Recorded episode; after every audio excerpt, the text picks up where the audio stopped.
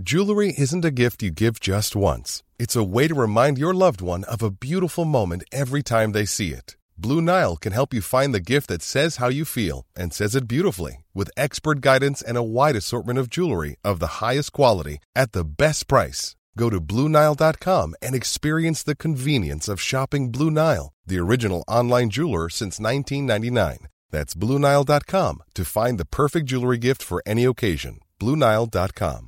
Hey, it's Danny Pellegrino from Everything Iconic. Ready to upgrade your style game without blowing your budget? Check out Quince. They've got all the good stuff shirts and polos, activewear, and fine leather goods, all at 50 to 80% less than other high end brands. And the best part? They're all about safe, ethical, and responsible manufacturing. Get that luxury vibe without the luxury price tag. Hit up quince.com slash upgrade for free shipping and 365 day returns on your next order. That's quince.com slash upgrade.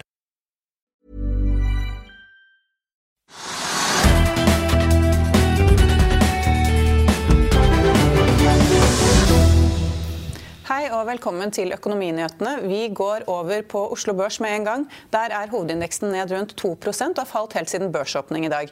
New York-børsen åpnet for en times tid siden med å stupe nesten 6 og Hvorfor faller markedene videre i dag, Trygve? Det har jeg ikke svar på. Det er det at det er, det er ingen nye løsninger. Altså, virusen er der fortsatt. og og det er ingen som kan si det at dette blir borte i løpet av to måneder eller tre måneder. og Det er bare negativt alt sammen, og da faller markedene jevnt over. Oslo Børs er som du sier, vært nede i hele dag.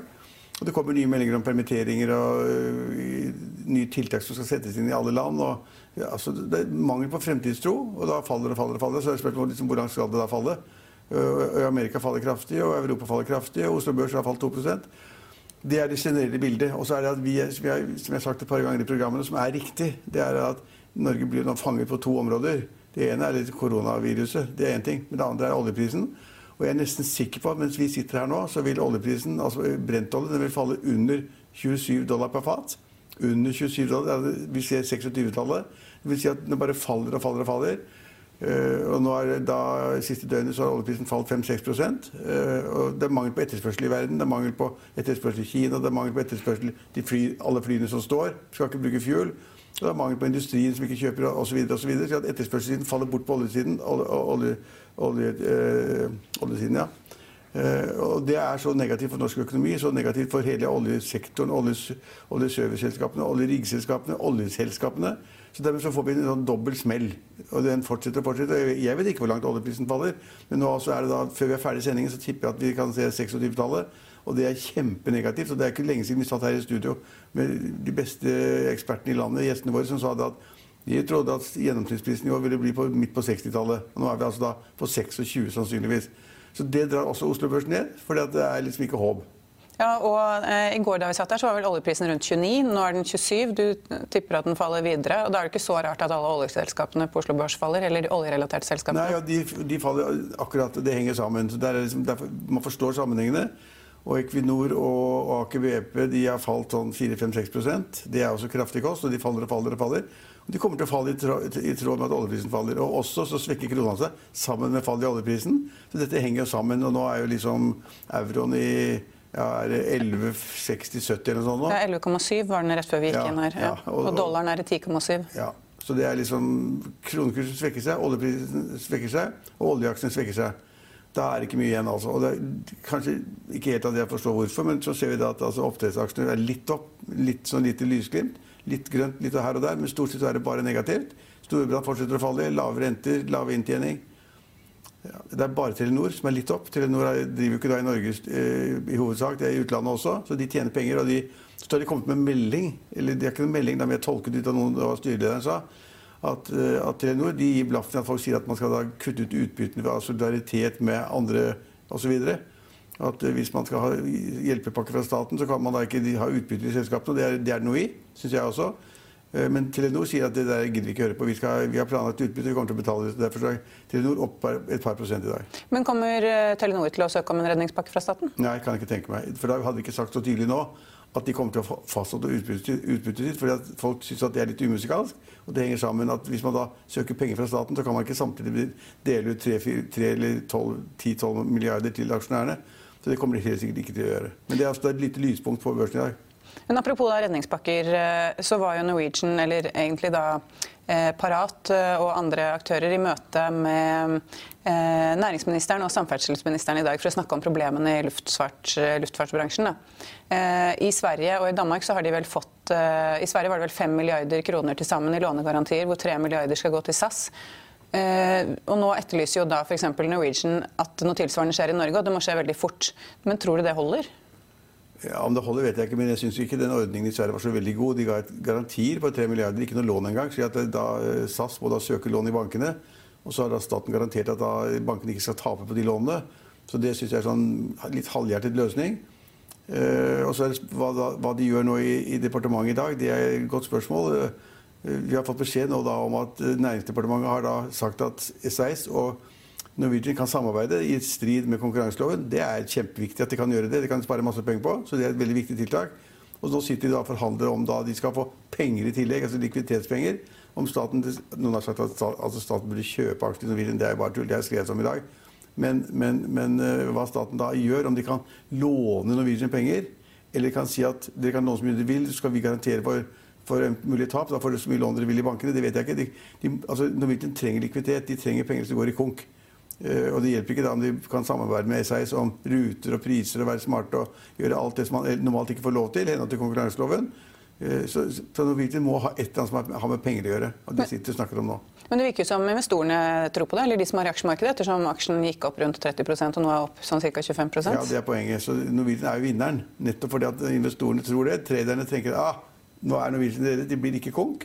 Det blir spørsmål om hvor mye penger får de, og hvordan de kan drive. og så da så vi, det er bare to dager siden at Norwegian-kursen var nede på 7 kroner, og i dag er den på 11 kroner.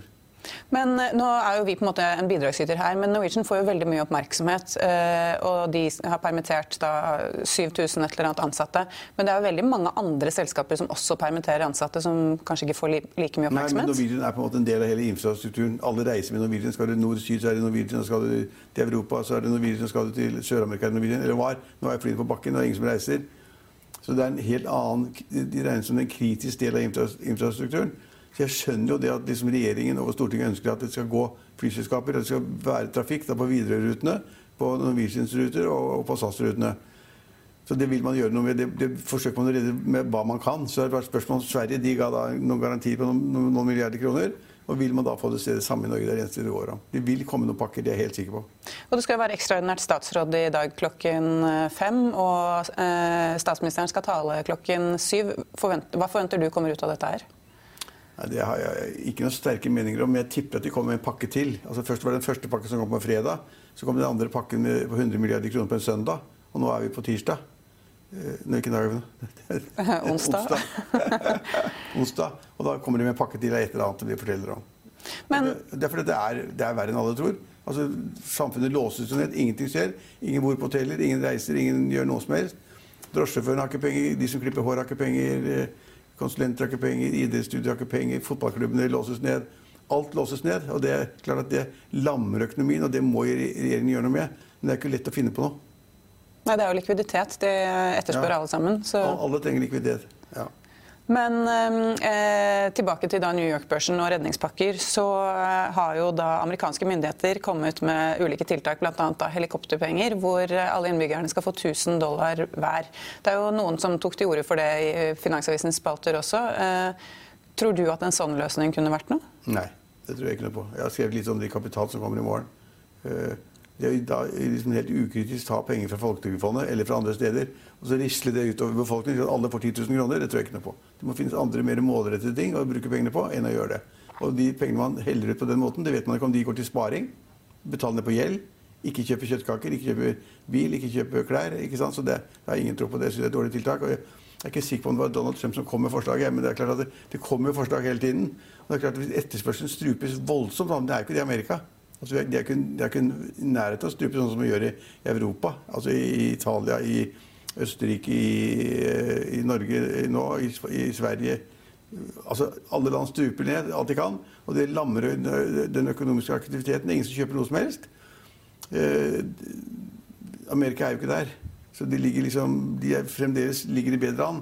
Og har, Ingen kan si i Amerika nå at alt, alt sammen legges ned. Det er, det er, restauranter som ikke får være oppe, det er sant. Og er også andre steder i enkelte stater hvor det stenges litt ned. Men det, de, de, har ikke grunnen ennå til å si at det er ingen etterspørsel, så vi må skaffe etterspørsel ved å sprøyte penger ut. Det har jeg ikke noe tro Men tror du det kan være en måte å på en måte tekkes velgerne?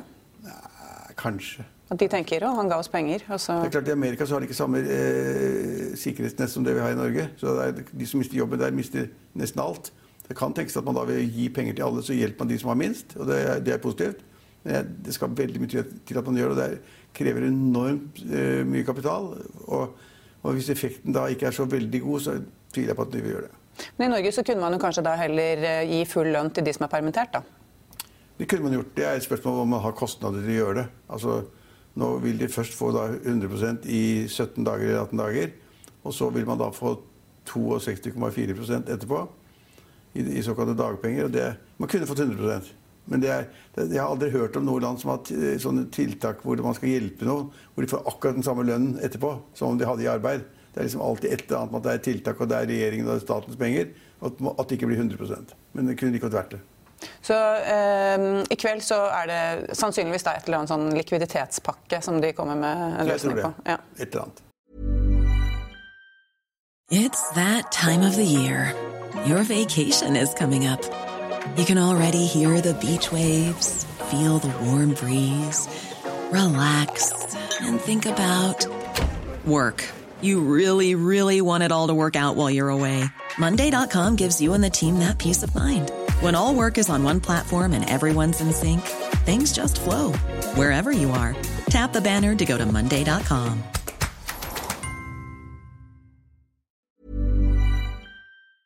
I'll see you in court. Vi sier det ofte litt på spøk, men for deg som driver business, er det aldri moro å innse at du ikke har laget en 100% gyldig kontrakt. Du bør ikke risikere hele firmaet ditt fordi du synes dette med kontrakter er litt stress. En avtale er ikke en avtale. Du kan miste kunder, miste venner, ja, til og med miste inntekter om du ikke lager en skikkelig kontrakt, på alt mulig, egentlig. Men vi vet det er et styr, kopimaskiner, tregprinter og haugevis av papir. Dessuten stoler vi jo på folk her i landet. Det er ofte litt kleint å skulle be om en signatur for alt mulig, ja, for mye av styret handler også om jakten på underskriften. Det finnes en enkel måte å løse dette på, Dukkobit, en trygg, effektiv og get this, gratis måte å sikre seg en god natts søvn pluss en juridisk bindende avtale. Dukkobit-appen har de strengeste sikkerhetskrav i bunn, samt en EU-godkjent og sertifisert teknologi. Framover vil det bli behagelig å spørre du, skal vi skrive under på det, eller? Kom i gang på dukkobit.no. Men det at euroen er så sterk, eller kronen er så svak, hva betyr det nå? Ja, altså Det betyr jo det at det blir kjempedyrt å kjøpe noe i utlandet. Kjøper du bil, så blir den veldig mye dyrere. Kjøper du andre ting fra utlandet, så blir den veldig mye dyrere. Og så blir den norske varer veldig mye billigere. Og det skulle da tilsi at utlandet kunne kjøpe mer fra Norge, men det er ingen som kjøper noe som helst, så det hjelper ingenting. Men hvis da dette går over, og hvis kronekursen er så svak som nå, eller enda svakere, så vil da norske selskaper ha en kjempefordel i det internasjonale markedet. Og det er jo bra. Og så er det også en annen effekt, og det er at uh, oljefondet noteres i kroner, så verdien av oljefondet øker, øker, kraftig. Det er også bra, syns jeg. Det er noen som syns det er bare noe tull. Men det blir mer penger i fondet når det i norske kroner. Men sånn som uh, Tidligere i dag så kom det beskjed om at Voice stenger sine ca. 200 klesbutikker. Uh, Hennes Maurits har stengt butikker. Det er jo mange som stenger butikkene sine. Hvor lenge kan man holde det gående? Altså, Før det går konkurs, da? Det er veldig mange stenger, de, de, må jo stenge butikken, det er ikke noen kunder her. Så er det masse folk som da står i butikken og skal selge. Det mest interessante der er ikke akkurat det. Det er det at det nå, er en fight mellom de som eier gårdene og leier ut til butikkene. Butikkene vil ikke betale den husleien de har avtalt. Og noen gårdeiere sier at ok, vi skal være litt snille og kutte litt. Og noen sier at det kommer ikke på tale i det hele tatt. Og der blir det en fight. For det er jo altså tusenvis av butikker, det er tusenvis av hoteller. Og det er de som eier disse, som leier ut til driverne av hotellene, eller driverne av butikkene. Og der blir det en fight. For alle, alle liksom må forsøke å gjøre det litt bedre for seg selv, og så blir det slåsskamp. Ja, for Det er jo en del butikker som da har omsetningsbasert eh, leie, og det er jo bra for dem akkurat nå, men krise for gårdeierne? Ja, men det er, stort sett er det en sånn blanding. Det er fast en minimumsleie, og så er det da en omsetningsbasert leie i tillegg. så det er men hvis det hadde bare vært omsetningsbasert, så er det kjempefint for leietakerne. Da slipper de å betale fem øre. Jeg tipper at veldig mange har en sånn minimumsleie, som Thon sikkert har, og som Christian Ringnes sikkert har. og det da blir det fight. For noen sier, og det er, en stor artikkel i Finansavisen, Finansavisen i dag, hvor da noen sier at vi finner oss ikke i å betale den gamle leien som vi gjorde før. Og det er Dressmann-systemet, Warner-gruppen, som har liksom alt mulig rart. Og de sier at vi finner oss pokker ikke i å betale samme leien som vi gjorde før, når, det, når vi ikke har kunder i butikkene. Men, er, blir det da. Men eh, da kan vi jo på en måte se en annen bølge av konkurser, da, med kjøpesenter eh, altså... Ja, Vi er ikke kommet dit ennå, men det er klart at uh, varehandelen står, er, kan bli rammet ganske kraftig. Det er jo flere kjeder som har gått konk allerede. XXL kan det også da ryke. for det, det, Nå må de skulle komme over kneika og gjøre noe nytt, og så plutselig så er de inne i en superkrise. Legger ned butikker i Østerrike eller hvor det er. Uh, og de går, det er jo flere kjeder som har gått i det siste året. At, at flere kjeder, og Det kom melding i dag om at noen som skulle permittere masse. Så, altså Innen varehandel så blir det krise hvis folk ikke vil bruke penger. Men de bruker kanskje netthandel da i stedet? Ja, den øker. Netthandel vil øke, det er jeg helt sikker på. Men uh, nå ser vi jo da at uh, myndighetene i ulike land kommer med masse forskjellige redningspakker. Likevel så faller børsene. Hva er det som skal til for å snu dette? her? Altså, Optimisme, at de tror at det snur, at det, at det er vaksine som kommer. At man klarer å stoppe utbredelsen. I Norge, Man diskuterer i Norge, øh, man diskuterer liksom hva skal vi gjøre? Skal vi stenge ned alt, eller skal vi liksom bare ta det verste og den der kurven som går rett opp? At den flater ut. ikke sant? At man på en måte blir mindre og mindre nye tilfeller av smitte. Men det, er, altså, det, det blir ikke bedre på børsen folk, folk, før folk ser håp. Men tror du det holder at man ser en bedring i Norge? Det er jo meldt om tre nye dødsfall i dag. Likevel så I Norge er det noen som har spådd at det kommer, kommer, til å dø 25 000. Så skjer det, så er det jo helt katastrofe. Men apropos det, så du på Debatten i går? Ja, jeg så på Debatten i går. En veldig god debatt. Hva... En kjempeflink dame. Men ja, du ble, ble, du mer redd av å se på Nei, henne? Jeg, jeg ble veldig mye mer redd av å høre på henne. Og hun var veldig god, og hadde masse fagkunnskap. Og de som da var fra, fra Helsedirektoratet, han direktøren han var jo svak som barrakkeren, som han pleier å være. Uh, nå var det litt utur at den kvinnelige eksperten, som da var god, hun, hun bomma på en liten ting. Hun sa at det er så utrolig mange nye tilfeller i Oslo. Og så kunne da de svare og si at nei, det er ikke så veldig mange tilfeller i Oslo. Det er de 1100 som var på ski i Østerrike i, i ferien, som da har kommet hjem. Og det er, er ikke det samme som at man da har en stor utbredelse av viruset her i Oslo. Det, da, der, der hadde hun bomma litt. Grann. Men stort sett var hun veldig god. Hun skremte livet av folk, det er jeg sikker på. Ja, det gjorde hun jo. Men, men tror du at eh, sånn som f.eks. aksjemarkedet her hjemme er opptatt av det som skjer her hjemme, eller er de mer opptatt av f.eks. det som skjer i USA? da? Ja, overalt. Man ser på hva som skjer rundt seg. Hva, hva skjer nå? liksom. Og, så markedet falt. Nå står eh, hovedindeksen rundt 630 eller noe sånt nå. Mm, ja, 636 ish. Ja, etter, ja. Og, der, og da så glir det nedover inntil man kommer til 500 eller 50 eller 520 eller noe sånt. nå. Sannsynligvis. Bare glir det nedover. sånn 1% her og 2 der. Og så opp 1% en dag, og så ser man på hva som skjer i Europa, i Europa, i USA og i andre land. og så så, så, det må komme noe positivt inn i det. Men det er ikke det positivt. Altså, det er ikke alt som føles så godt med som oss, men altså, de, aksjene på Oslo Børs er priset ut fra forventningene om hva selskapene kommer til å tjene. Ja, Jo mer du tjener, jo høyere blir aksjekursene. Nå regner alle med at alle kommer til å tjene dårligere og lavere og mindre. Det blir, og da, da får ikke aksjekursene opp. Så det man egentlig burde gå inn i, er kanskje vinleverandører og eh, fastfood? da? Ja, ja noe, noe, sånt noe. Noe som folk må ha, da. Ja. Folk må jo ha mat. Men eh, til tross eh, for redningspakker og gjenopprettelse av statens obligasjonsfond, så tror DNB-strateg Ola Kjennerud at det blir tøft for selskaper å finansiere seg fremover. De nordiske kredittmarkedene har hatt en vesentlig forverring i løpet av de siste ukene. Eh, vi har sett den største bevegelsen over to uker som vi noensinne har sett for, norske høyrente, for det norske høyrentemarkedet. Og bare i går så steg nordiske kredittpåslag med 72 basispunkter, som er en historisk rekord, ikke en positiv en. Eh, og selv ikke under finanskrisen så så vi tilsvarende bevegelser på så kort tid. Det som er veldig spesielt nå, sammenlignet med det vi f.eks. hadde i 2014, 2015 og inn i 2016, eller det vi så i 2008-2009, er at markedene har egentlig stoppet fullstendig opp eh, på så kort tid. Man har gått fra å ha veldig mye likviditet i januar til å nå se at det ikke er noe likviditet i det hele tatt. Um, primærmarkedene, naturlig nok, i høyrente uh, fins ingen aktivitet i det hele tatt. Og det vil være veldig, veldig vanskelig for selskaper som må refinansiere i løpet av de neste månedene, å, gjøre dette. Det, da må de sannsynligvis betale opp veldig mye. Uh, I sekundærmarkedene også så ser vi fond uh, som generelt uh, ønsker å redusere risikoen ganske kraftig. Eh, det prises ned raskt. Eh, veldig, veldig raskt. Og det er jo opphavet til hvorfor spreddene stiger så mye. Og vi er nok fortsatt et stykke unna uh, det punktet der man begynner å, å se en bunn. Uh, det er fortsatt rom for videre fall i, i verdiene her. Um, det som er problemet for fondene, er jo dels at de frykter mislighold, um, og hvordan det som vi nå ser i realøkonomien og verden over, kommer til å slå ut i uh, selskapenes evne til å betjene gjeld. Men de sliter også pga. fondsuttrekk, altså kunder, investorer, som trekker pengene sine ut. Som gjør at fondene også må likvidere sine posisjoner. Eh, de har vært relativt godt forberedt på dette sammenlignet med det vi så for noen år siden. Fordi de har hatt eh, ganske bra kontantbeholdninger. Men den type bevegelser som vi har i markedet nå, tilsier at eh, de likevel må Noen fond må må selge ting som de ikke ønsker å selge, fordi de må skaffe, skaffe kontanter, de må skaffe likvide midler. Um, det var høyrentemarkedet, altså, uh, men også i investment grade.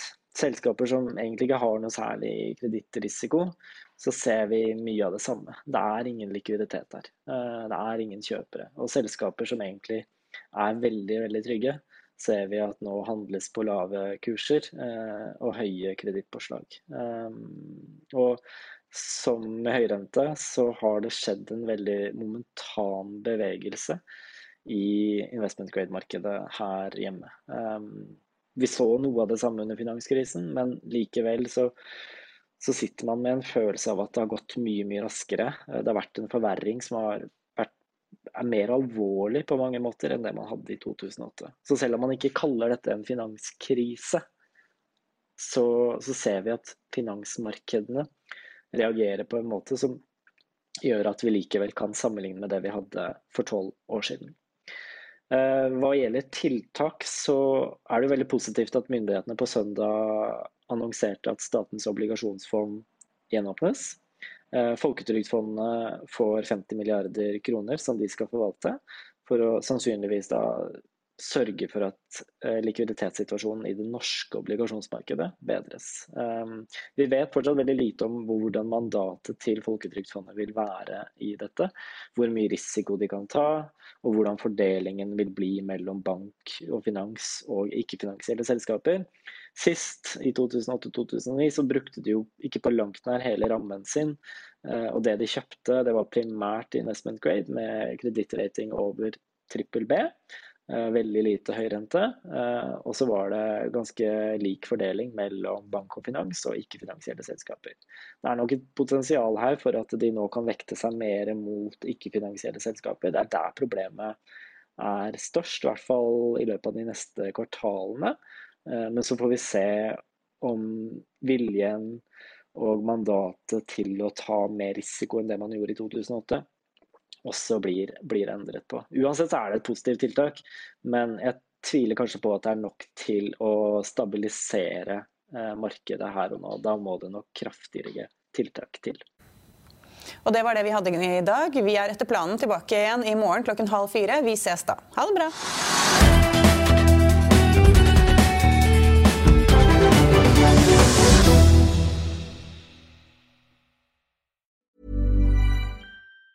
Planning for your next trip? Elevate your travel style with Quince. Quince has all the jet setting essentials you'll want for your next getaway, like European linen, premium luggage options, buttery soft Italian leather bags, and so much more. And it's all priced at 50 to 80% less than similar brands. Plus, Quince only works with factories that use safe and ethical manufacturing practices. Pack your bags with high-quality essentials you'll be wearing for vacations to come with Quince. Go to quince.com slash trip for free shipping and 365-day returns.